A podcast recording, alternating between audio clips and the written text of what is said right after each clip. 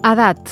Temps transcorregut des que una persona ha començat a viure. Aquesta és la definició que ofereix l'Institut d'Estudis Catalans i que no sembla que deixi molt marge a les diferències, no? Doncs bé, les diferències existeixen perquè els sudcoreans tenen des de fa uns dies un o dos anys menys. Han modificat l'edat, així, de cop. Com pot ser? Per què ha passat? És la pregunta que intentem respondre avui amb Manel Uller, professor d'Estudis Xinesos de la Pompeu Fabra. Es compta diferent l'edat al món oriental i occidental? Significa el mateix l'aniversari a nivell cultural i el celebrem igual a Barcelona que a Tòquio?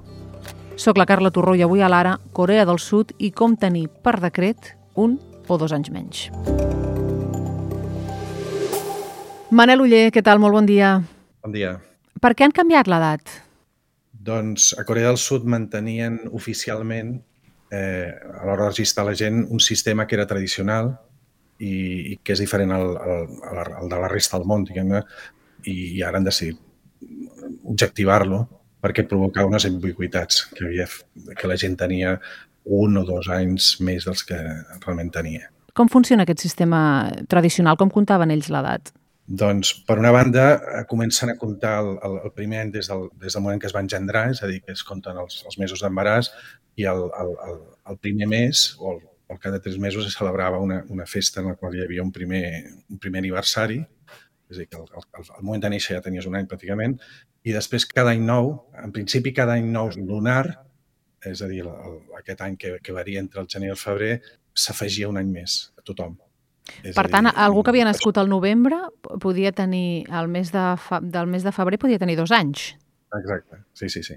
I això Perquè... feia que depèn de més naixies, poguessis tenir dos anys o tres anys, i no, no era, no era una, una mesura. I de fet, els anys, eh, el, el nombre d'anys no eren un, un número, diguem-ne, dos, tres, quatre, un numeral, sinó un ordinal. Estàs en el tercer any, en el cinquè any, perquè és un sistema cíclic, per dir-ho així. I entre ells sí que s'entenien, eh? Entre ells això no els semblava estrany.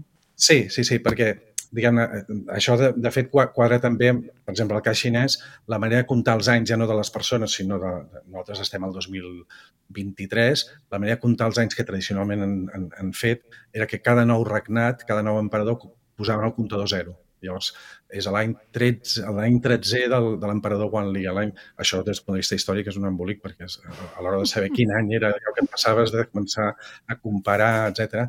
I també, mm, quan apuntava, la, és a dir, quan, quan mires la gent del passat, quina edat tenia, doncs no és segur que tingués 67 o 68 o 69, perquè pot haver aquestes, aquestes ambigüitats. I això és exclusiu de Corea del Sud o hi ha països de la zona que també compten l'edat i l'aniversari de manera diferent? Això és originari de la Xina, però Corea del Sud ho ha mantingut, diguem oficialment. A la Xina, a la República Popular, pràcticament ha quedat a l'àmbit rural. A Taiwan sí que és més usat, diguem-ne, però, però no oficialment, però sí que la gent té en compte aquest aspecte.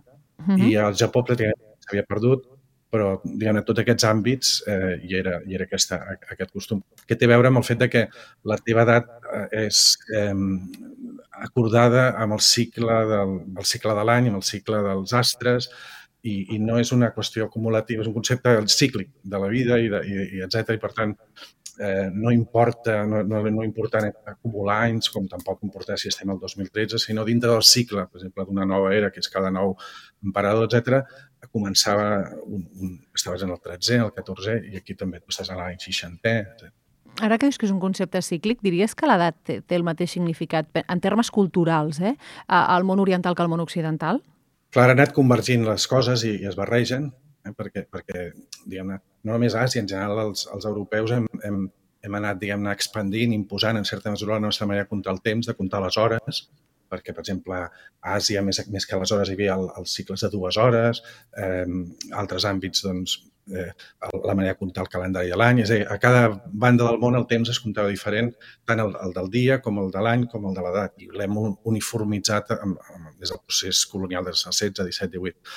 Clar, els, la concepte d'edat, de, de complir anys, per exemple, per ells tenia més a veure amb el ritual. Llavors era important el, el, aquest primer mes, perquè, o, o en el cas coreà, els tres primers mesos, els 100 dies, perquè volia dir que havia sobreviscut amb una mortalitat molt alta, llavors es celebrava i era també una qüestió, doncs, el primer mes estant tancat a casa i la mare també, i sortia. Després, el primer any, també se celebrava, en aquest cas, si l'any d'haver nascut, se celebrava perquè es feia una festa en què se li posaven al nen al davant tot d'objectes i llavors havia de triar quin, quin era el, el que, el que d'alguna manera marcava eh, la, seva, la seva tendència. Si, si era un pinzell, anava més per la cosa de lletrat, o si era, anava per alguna cosa que anava més per, cap, a, cap a la carrera militar o, o cap a una carrera més religiosa. Aquest tipus de rituals eh, que eren com auspiciosos, etc.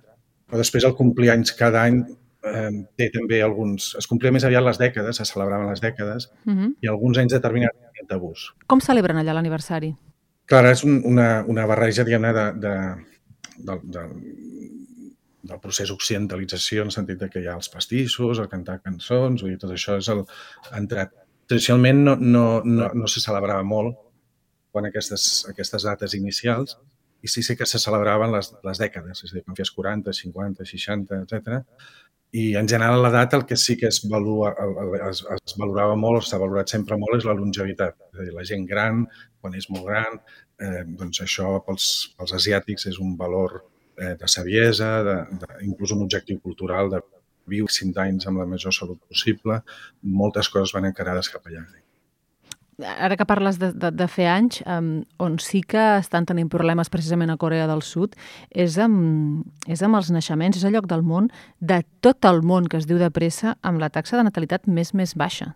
Sí, sí. En general a tota Àsia oriental està passant, i a Corea del Sud, doncs, això té a veure més aviat amb, amb, amb una amb una societat postcapital, d'un capitalisme ja, diguem-ne, avançat i, i on, on, on tenir fills és un luxe i, i no, no, no s'avança en aquest sentit. I és, de fet, per exemple, un dels grans reptes que té la Xina, perquè aquesta transició demogràfica altres països l'han fet quan ja estan desenvolupats, però la Xina, que, que sí que està en procés de desenvolupament, però encara no, no està prou enriquida, doncs està també experimentant uns índexs molt baixos. Per això hem passat de, de la política del fill únic fins fa pocs anys, ara està incentivant polítiques natalistes i, de, i promoure que les dones han de tenir fills i han d'estar a casa, eh, valors d'aquest tipus, perquè, perquè perquè és un problema greu. Pel manteniment del sistema econòmic mateix, per, per la mà d'obra, eh, també per, per, per una qüestió de, de l'envelliment de la població molt ràpid, eh, etc per molts sentits. Estem parlant d'edat, de, de, la, de com es calcula l'edat quan neixes, de quina edat tens, eh, no? de, com, de com és important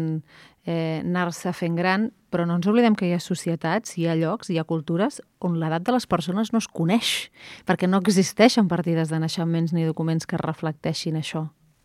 Sí, en el, en el cas asiàtic, no sé, el Corea del Sud, en general sí que per, per cas xinès, per exemple, tendien a apuntar per raons fiscals, perquè, perquè ells en, en, des de molt, molt antigament eh, volien saber qui havia a cada casa i quanta gent hi havia perquè paguessin els impostos, tendien a apuntar-ho tot i tenien un sistema burocràtic molt desenvolupat. Llavors, en aquest sentit, sí que més o menys, diguem-ne, Eh, I després també és important la data de naixement perquè li donava molta importància ritual, endivinatòria, eh, etc. Per ells era molt important saber en, en, diguem en sentit astrològic, en, quin, en quina conjunció estaven, en quin any van néixer, etc. Perquè ells, per exemple, el, el seu sistema astrològic no va per mesos, sinó per anys. Cada 12 anys hi ha un cicle en què cada any és un, un animal el que, el que marca el, doncs, quin és el, el, el que, el, el que domina aquell any. Llavors hi ha un any que és el de, del drac, un altre any és el del, del conill, un altre és el del tigre, un altre és el del porc, el de la rata. Hi ha 12 animals simbòlics i llavors en funció de l'any que neixes és com per nosaltres ser piscis o, o aquari, etc. Hi ha algun que sigui el millor? La rata, el conill, sí. el drac?